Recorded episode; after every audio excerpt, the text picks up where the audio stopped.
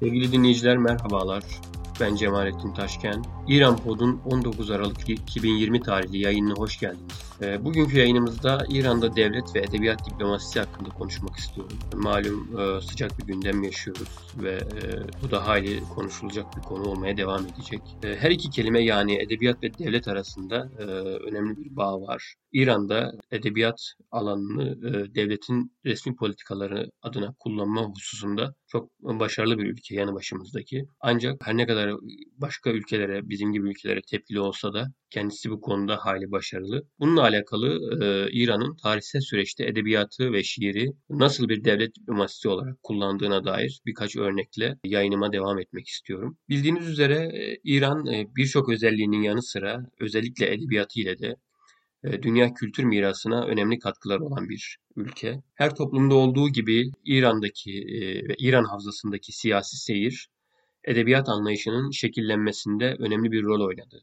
tarihi içerisinde. İran edebiyat tarihi alanında çalışmalar yapan e, edebiyat tarihçileri yani özellikle Türkiye'deki Doğu dilleri ve edebiyatları çalışmalarını öncülük etmiş isim olan Alman e, bilim adamı Helmut Ritter, İran edebiyat tarihinin e, siyasi hayatla paralel olarak devam ettiğine dikkat çekti, çekmiş önceki çalışmalarında. Ahamenişler devri, Sasaniler devri ve Arap istilasından sonraki devir olarak e, üç bölümde incelemiş e, edebiyat devirlerini. Bu anlayışla hareket eden edebiyat tarihçileri, e, hani Helmut Ritter'in geliştirdiği anlayışı takip eden e, edebiyat tarihçileri, siyasi gelenek ve devlet anlayışının e, edebiyatın şekillenmesindeki etkisinden yola çıkarak edebiyat tarihinin büyük devirlerini siyasi tarihin devirlerine göre taksim etmişler.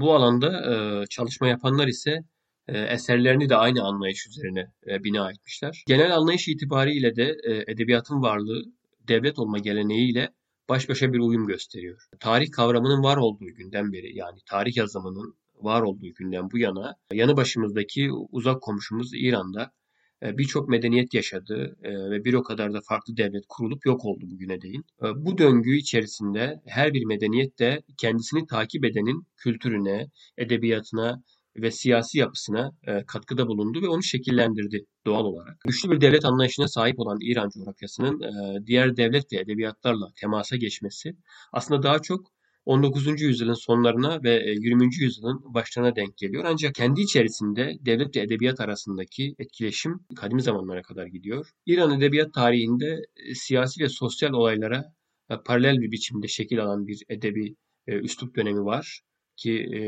biz bunu üniversite okurken de fakültede görmüştük ve buna sepki hindi demiştik. Hint üslubu yani Safaviler dönemine denk gelen bir üslup. Bu yönetim anlayışı yani Hint üslubu e, dönemine dayanan yönetim anlayışının devlet edebiyat ilişkisini nasıl şekillendirdiğine bakmak aslında ikili arasındaki yol arkadaşlığına iyi bir örnek verebilir. Yani edebiyat ve devletin İran siyasetinde nasıl bir yol aldığına dair örnek olması açısından bu önemli seçtim. Zira Safeviler döneminde e, Mersiye söyleme ve e, din adamlarının övülmesi e, Safevi padişahlarının dini siyasetinin tabi bir sonucu olarak biliniyordu. Bu aile, Safevi ailesi İran'da hakimiyet kurdukları günden itibaren e, sert ve şiddetli bir şekilde ülkedeki Şiilik anlayışını yaymaya çalışmış. E, bu doğrultuda devlet eliyle her türlü e, ilmi, askeri ve edebi çabayı göstermiş. İran'ın en önemli edebiyat tarihçilerinden birisi sayabileceğimiz ve kendisine çalışmalarımızda sık sık başvurduğumuz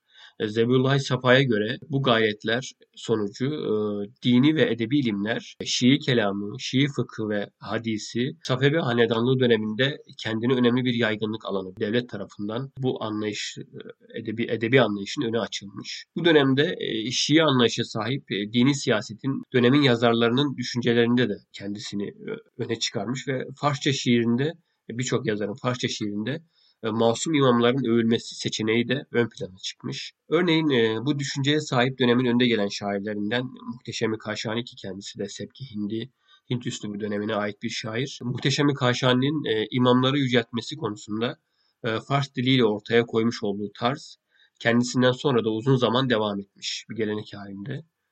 Bu minvalde devam eden devlet ve edebiyat ilişkisi Kacarlar dönemine geldiğimizde yani 1736 ve 1925 dönemi arasında İran'da hüküm süren Kacarlar ailesinin iktidarına denk, döneme denk geldiğimizde iktidara yani Kacarların iktidara gelmesiyle yeni bir yola girmiş. Kacarların özellikle son dönemlerinde Fars edebiyatının Batı edebiyatlarından etkilenerek e, yeni edebi türler kazanması e, devlet aklına e, edebiyat üzerinde etki edebileceği yeni alanlar kazanma fırsatı sunmuş.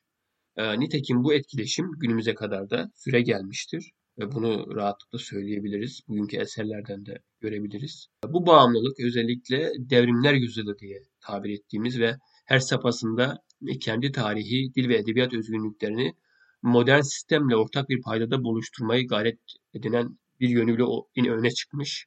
Bu nedenle İran kültür ve edebiyatı karşı karşıya kaldığı sistem anlayışıyla hemhal olmuş, hemen ona uyum sağlamaya çalışmış ve hakim siyasi söylem çizgisinde kendisine farklı bir mecra bulmuştur. Bu anlayışla Fars dili ve edebiyatının tarihin her döneminde hayat bulduğu devletin politikalarıyla karşılıklı etkileşim içerisinde olma geleneği günümüzde de e, devam etmiştir. Klasik dönemden e, modern zamanlara gelindiğinde toplumsal ve fikri hayatta önemli değişikliklerin yaşandığı bir coğrafya olan İran için 20. yüzyılda hayli mecralı ve uzun bir asır olmuş bildiğiniz üzere.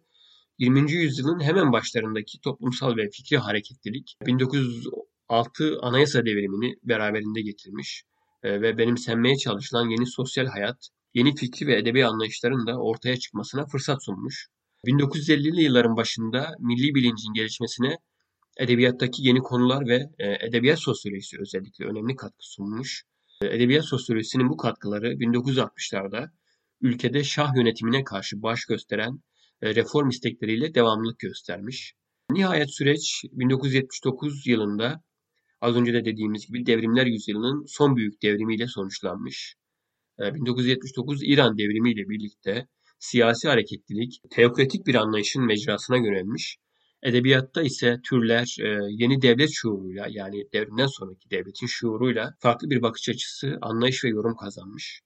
E, bu yaklaşım geçmişten bugüne devlet ve edebiyat arasındaki yakın ilişkinin yatsınamaz varlığını da gözler önüne sermiş. Bunun yanı sıra 1979 devrimi ile birlikte İran devletinin benimsediği siyasi anlayış Fars dili ve edebiyatının yani Fars dili ve edebiyatının tarihi ve e, kültür mirasını bir diplomasi aracı olarak görmüş ve bu minvalde politikalar geliştirmiştir.